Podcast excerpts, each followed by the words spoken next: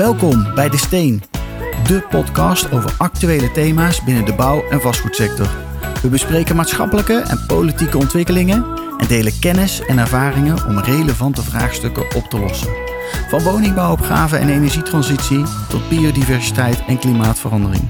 Heb jij een inspirerend verhaal? We komen graag bij je langs voor een opname. Deze podcast De Steen wordt mede mogelijk gemaakt door RBF. Dat bestaat uit het jaarlijks RBF Kennisfestival in september, de live-uitzending RBF Draait Door vanuit onze eigen studio in Amsterdam en het maandelijkse kenniskabinet waarbij we politiek en markt samenkomen. Ga voor meer informatie naar www.rbf.nl. En dan nu door naar een nieuwe aflevering van De Steen. Luister je mee?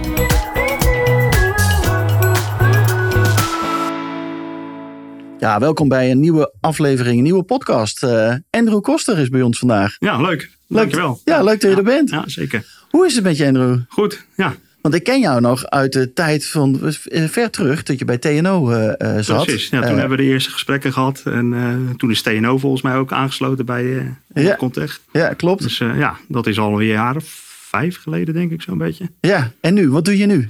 Nu, ja, ik ben vanuit TNO mijn eigen bedrijf begonnen. Dat, was een, dat is een spin-off vanuit TNO en dat heet TBQ. Dat staat voor Tools for Build Quality. Uh, eigenlijk, Tools for Build Quality. Voor Building Quality. Building Quality, building mooi. Ja.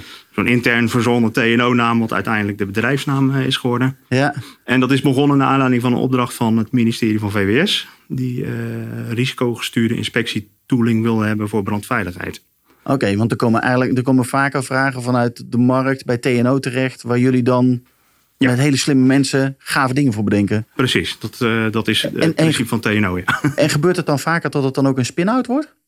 Ja, dat gebeurt vaker. Uh, binnen het bouwdomein is dat nog niet zo heel vaak uh, gebeurd. Dus je was uniek? ik was wel een van de eerste die in dat programma mee ging lopen. Het is een heel speciaal programma opgezet voor om dat soort spin-offs vorm te gaan geven en te begeleiden naar de markt. Ja. En dus eigenlijk als je binnen TNO een idee hebt van, nou ja, ik ben ergens mee bezig wat uniek is en het kan uniek zijn voor de markt en het heeft een marktbehoefte, dan kun je begeleid worden om een eigen bedrijf op te zetten. En waarbij je dus uh, ja, allerlei faciliteiten krijgt, geholpen wordt, businessplan schrijven, allemaal tollgates, het hele, het hele principe. Ja. En ja, uiteindelijk heeft dat ertoe geleid om het ministerie te overtuigen dat wat we gingen maken als TNO, dat het echt bruikbaar zou zijn en dat het echt toepasbaar uh, ging worden. Ja. Want in 2010 had TNO al eens een keer een tool gemaakt. Ja, die heeft ongeveer een jaar bestaan. En toen was de iPad geüpgrade en toen deed hij het niet meer. Oké, okay, zo kan dat ook. Nee. Ja, nee, precies. Ja. En uh, dat was voor het ministerie weer op aanleiding om te zeggen... nou prima, uh, ga die tool uh, ontwikkelen. Want dan geloven wij wel dat die gebruikt gaat worden in de toekomst. dus zo is het ontstaan. Leuk. Ja. En nu, vijf jaar verder, TBQ? Ja, hard gewerkt. Uh, we hebben uh, geluk gehad dat we een softwarepartner hebben gevonden in Proverol. Die heeft gezegd van ja, dit is uh, ook wat wij willen of wat wij zien als toekomst. He, dat je functionali functionaliteiten hebt die in de software heel ja, makkelijk maken. Dus dat je plattegronden kunt importeren. Dat je een hele common data environment hebt. Dat je pinpoints kunt maken. Hè, dus pinnetjes op een plattegrond. Foto's erbij, documenten eraan koppelen. Ja. En dat wil zij ook heel graag koppelen aan inhoud, unieke inhoud. En ja, daar zijn we de afgelopen jaren druk mee, mee bezig geweest. Uh, ook al in de markt actief. Hè, die vlakbij het AMC bijvoorbeeld, die gebruikt die software. Waarbij je risicogestuurd kunt gaan inspecteren. Cool. Ja, want vertel eens, hoe gaat dat dan precies in zijn werk? Maakt dat dus concreet? Uh, dat, uh... Nou, TNO heeft dus een rekenmodel gemaakt. Ja. Waarbij je dus uh, integraal alle punten van brandveiligheid uh, op bevraagd wordt. En afhankelijk van de functie van het gebouw, het kan een zorgfunctie zijn, het kan een hotelfunctie zijn of uh, woonfunctie. Ja. Moet je voldoen aan uh, wet en regelgeving waarschijnlijk? Ja, dus ja. het hele bouwbesluit nu, hè, vanaf 1 januari die BBL, daar zijn we ja, zo goed als mee klaar. Ja. Die zit erin, arbeidsomstandigheden, wet zit erin. Dus het is echt een heel integraal plaatje waarbij alles op alles bevraagd wordt. Dan gaat vervolgens een inspecteur of een instelling zelf of een, een kantooreigenaar zelf, die kan dan gaan inspecteren. En die ziet bijvoorbeeld die deur is niet, uh, niet in orde. Daar kun je dan nog verdiepende vragen over stellen van ja, hoe breed is die deur, welk materiaal is die deur. Want als je hem wilt laten vervangen, dat je precies weet. Dan moet het wel goed zijn. Ja, waar die zit en waar, waar die van gemaakt is. Zodat je een aannemer op pad kunt sturen en zeggen, nou, deze deuren in dit pand die moeten vervangen worden. Maar daarvoor nog kun je ook uh, dus zien dat uh, zeg maar TNO zegt dat die deur, oké, die is niet goed. Maar het is een risicoklasse E. Dus ja, ga met vroeg gezag in gesprek om aan te tonen van ja, dit is helemaal niet zo erg dat die deur niet uh, voldoet. En dat is waar ze vanuit de overheid en brandweer in Nederland ook naartoe willen, meer naar die risicogerichtheid in plaats van naar die regelgerichtheid. Dat je niet simpel alle regeltjes gaat volgen. Want als je alle regeltjes gaat volgen, dan moet je misschien heel veel aanpassen. En als je risico gaat kijken, dan ga je alleen de dingen aanpakken die daadwerkelijk echt Precies, de meeste uh, gevaar ja. vormen. Ja, die echt uh, ertoe doen. Dus dat je een prioriteit kunt uh, maken. Of dat je zegt, nou mijn vastgoed, dat is over een aantal jaar, krijgt dat een andere functie.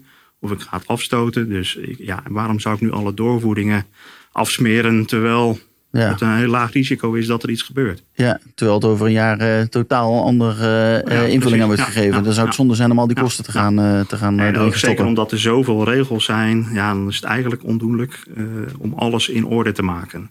Dat is ook wat ik vaak hoor. Er is geen gebouw in Nederland wat Helemaal voldoet? Helemaal voldoet. Voor 100% voldoet? ja, of dat echt zo is, weet ik niet. Maar dat is meer wat ik hoor vanuit de inspectiebedrijven. Ja, ja, Altijd wel. Uh, altijd, als ze langs gaan, dan vinden ze altijd wel iets. Ja, ja. dat is ook een businessmodel misschien. Ja. hey, maar uh, als dus heel veel gebouwen uh, niet voldoen, dan ligt daar natuurlijk wel een, een uitdaging voor eigenaren om überhaupt te weten wat ze moeten doen. Om, om, om in ieder geval het risico zo klein mogelijk te maken, lijkt mij. Ja, zeker. En dat is ook een verantwoordelijkheid. Hè? Want als er een incident is en dat kan een gewone brand zijn. Want in Nederland is het wel zo dat iedereen heeft recht op zijn eigen brand. Uh, zolang je maar geen slachtoffers veroorzaakt of je buren eh, meeneemt in de brand. Mm natuurlijk heb je ook nog een verzekering die er, die er wat van vindt. Ja. Maar in principe ja, ben je als gebouweigenaar verantwoordelijk voor. Als er wat gebeurt. Ja, ja, als er wat gebeurt. Dus dan komen ze bij jou komen ze uiteindelijk uh, uh, langs. En dan, komt, dan wordt de vraag gesteld van hoe brandveilig is je gebouw? En hoe nou, zit het met die... Uh... Met die tooling kun je dus inderdaad heel goed aangeven van... oké, zo sta ik ervoor. Ik heb het onder controle. Ja. Je ziet ook dat bevoegd gezag steeds meer naar toezichtgericht handhaven gaat. Dat ze vragen, nou laat maar zien dat je in controle bent. We weten dat niet alles voldoet, maar wat voor een plan heb je daarbij? Ja. dus ga je over drie jaar die deuren aanpakken? Of ga je over twee jaar de doorvoeringen of de de puikonstructie uh, aanpakken. Ja, en dan kun je gewoon heel makkelijk kun je aangeven van joh, dit is nu mijn staat van mijn pand. Ja. Uh, en ik, misschien ik voldoe nog niet aan deze puntjes, maar dit is wat we het hele. Ja, ik heb het de scope heb ik in. Ja. Ja, ja. Hoe, hoe, komen bedrijven nu bij jullie terecht? Want zijn er veel vastgoedeigenaren die dit vraagstuk, nou ja, in ieder geval ook op de agenda hebben staan? Nou, gelukkig steeds meer. Hè. Je hebt natuurlijk met het befaamde virus corona wel gezien dat de aandacht voor brandveiligheid, zeker in zorginstellingen, even wat minder uh, werd. Want die hadden natuurlijk andere dingen aan. Ja, die, ja precies. Ja. En nu zie je weer dat, ja, uh, waar wij eigenlijk voor staan, veilige en gezonde gebouwen, dat dat uh, steeds meer aandacht krijgt.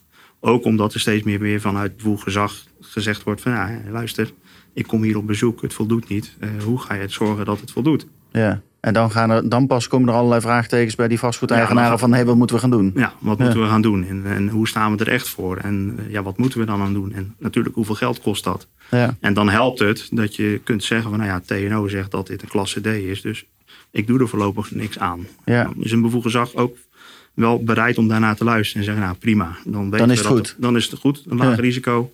Dus laat dat zoals het is en ga je eventueel met A-classificaties uh, bezighouden. Ja, want wat is het verschil tussen A en D klassificaties? Ja, A is eigenlijk dat je eh, het gisteren had opgelost moeten hebben. Oké, dus als er, dat is echt heel slecht. ja, als er echt iets gebeurt, dan, ja, dan ben je echt wel de sjaak als uh, gebouweigenaar. Dan word je juridisch... Ja, terwijl een label A, de duurzaamheid, is, is, precies andersom. ja, dus A is heel slecht en D is, uh, oh, kan nog. Ja, A is hoge prioriteit.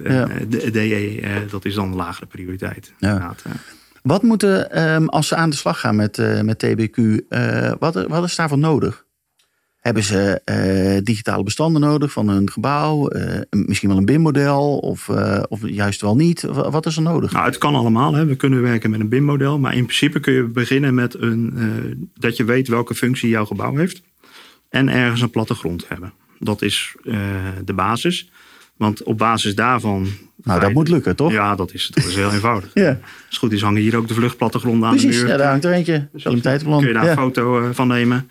Uh, je weet wat de functie is van dit uh, gebouw. En dan ja, selecteer je de vragen, of je krijgt de vragen van TNO dan. En die kun je, die kun je afgaan. Dus die kun je dan gaan beantwoorden. En vervolgens hè, zijn we natuurlijk ook bezig dat je inderdaad die verdieping in kunt. Dat je kunt zeggen, nou die deur, daar wil ik meer van weten. Uh, ik wil documenten aan gaan hangen. We zijn we hebben wat wij noemen een digital compliant twin, om er een mooi woord in te brengen. Ja. Dat je, uh, je gaat heel je vastgoed invoeren tot aan bijvoorbeeld het kopje thee hier op tafel of die doorvoering. Waarbij je dus aan die doorvoering je inspectie kunt gaan hangen. En je documenten kunt gaan hangen. En je foto's en je inkopen. Zodat je als. Dat je precies weet wat, uh, welke elementen je gebouw bestaat. Precies weet waar wat zit. Ja. Dat je eventueel voor een volgende inspectie ook weer uh, precies weet wat er zit. Ja. Uh, dus als gebouweigenaar, of eigenlijk als gebouw, maar dat is een beetje lastig. Maar als gebouw krijg je die data. Dus die gebouweigenaar die krijgt veel beter inzicht. In plaats van een rapportje van een inspectiebureau krijgt hij nu gewoon zijn hele omgeving. En kan die dat ook gaan beheren. En Heel kan cool. hij ook in de toekomst dat bij gaan houden. Mooi. Ja. Uh, heb je al voorbeelden waar je dit hebt toegepast, zeg maar? Nee, wat ik net zei, hier, hier om de hoek bij het AMC, AMC ja. zijn ze heel druk ermee bezig. een hele specifieke module die we ook hebben ontwikkeld. Dat gaat in op een bepaald artikel van het bouwbesluit. Dus artikel 711a. Dat wordt dadelijk overgenomen in de BBL ook. Dat je vanuit de Arbo-wet moet kunnen aantonen dat je veilig kunt vluchten. Nou, in een kantooromgeving gaat dat meestal wel goed, maar dat moet je eigenlijk ook kunnen, kunnen aantonen. Ja. Nou, in een zorginstelling is het natuurlijk iets uh, lastiger. Daarom hebben we ontruimcheck uh, ontwikkeld. En met ontruimcheck kun je uh, eigenlijk vrij makkelijk berekeningen maken van verschillende scenario's. Die bijvoorbeeld in de nacht of overdag kunnen gebeuren. Dat als hier een, prullenbakbrand is of een, een grotere brand. Ja, hoe snel zijn dan ja, mensen. Ja, hoe snel is de BHV uh, ter plekke? Hoeveel tijd heb je nodig en hoeveel tijd heb je? Dat is eigenlijk waar het om draait. Uh, daar neem je ook weer een stukje bouwkundig in mee. Maar in principe ga je dan die hele scenario's zo, zo opbouwen. En wat we daarbij ook aan het doen zijn, is om de ontruimingsoefeningen vast te gaan leggen. Okay. Dat is nu vaak ook heel veel van ja. hoe snel duurt het voordat hier de eerste BHV er is? Nou, dan krijg je soms aan tafel gesprekken. Ja, uh, twee minuten, drie minuten. Dat, dat, uh, maar dat kun je dus ook gaan vastleggen in die software. Zodat je integraal helemaal ja, alles, alles op orde kunt houden en blijven houden. Heel interessant. Ja. Voor welk type vastgoed is dit nou het meest interessant? Is dat voor dat zorgvastgoed het meest interessant? of voor wonen meest, of kantoren? Ja, of, hotels.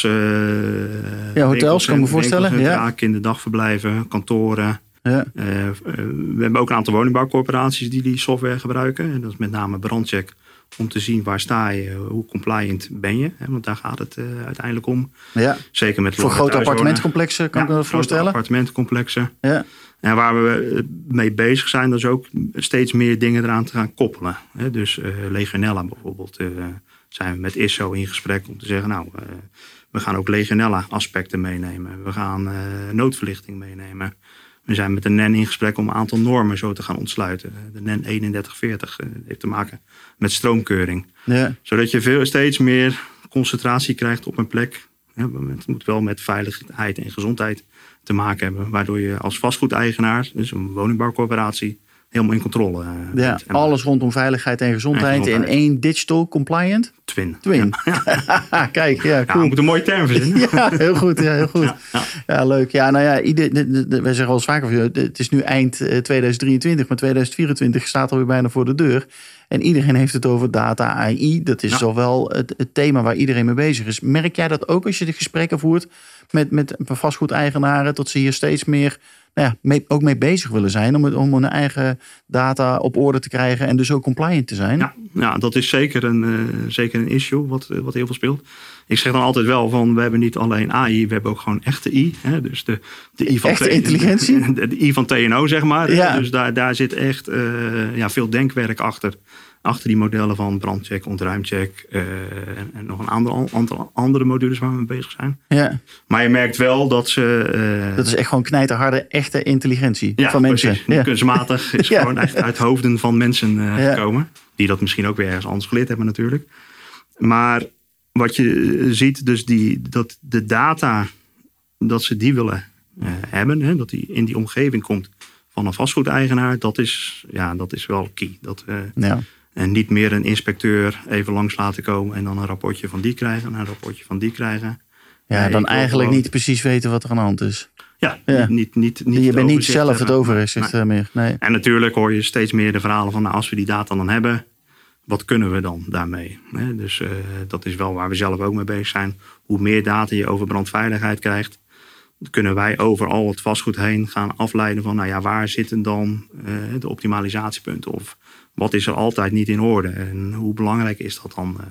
Ja. Hetzelfde met wat ik net vertelde over vlucht, veilig vluchten, dat je ontruimingstijden gaat uh, bekijken. Van nou, waar zitten dan de pijnpunten? Ja, en hoe komt dat? Ja, hoe komt dat? En, en zit het in het ontwerp? Zit dat in, uh, weet ik van die wat? Zit in organisatiestructuur. Of organisatie, ja. Dus dat, dat kan ook heel sterk, ja. Mooi. Dus dat zijn mooie ontwikkelingen inderdaad. Uh, hoe en, kunnen, waar ben je naar op zoek? Of ja, je wilde het zeggen. Nou ja, waar we ook mee bezig zijn is dan ook nog, hè, dat is ook een, wat, wat je wel vaker hoort, om bijvoorbeeld brandmeldinstallaties te koppelen aan deze omgeving. Zodat je niet meer uh, elke maand een onderhoudsrondje moet lopen, maar dat je gewoon apparaten gaat uitlezen. Oh, cool. Ja.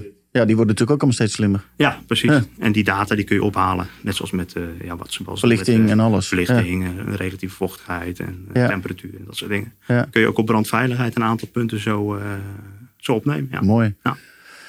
Um, waar ben je nou op zoek? Hoe kunnen wij je helpen? Ja, eigenlijk naar de, de vastgoedeigenaren die, ja, die eh, denken of vinden dat ze hun brandveiligheid of hun veiligheid efficiënter kunnen uitvoeren. Dus in minder tijd, met minder investeringen. En dus ook staan voor een veilige omgeving. Ja. Dus, uh, en dat op een slimme, efficiënte manier doen. En dat op een efficiëntere manier uh, willen doen. Ja. En dan ja, kijk je inderdaad met zorginstellingen, uh, kinderdagverblijven. dus eigenlijk waar groepen zitten die ja, minder, meer kwetsbaar zijn. Ja.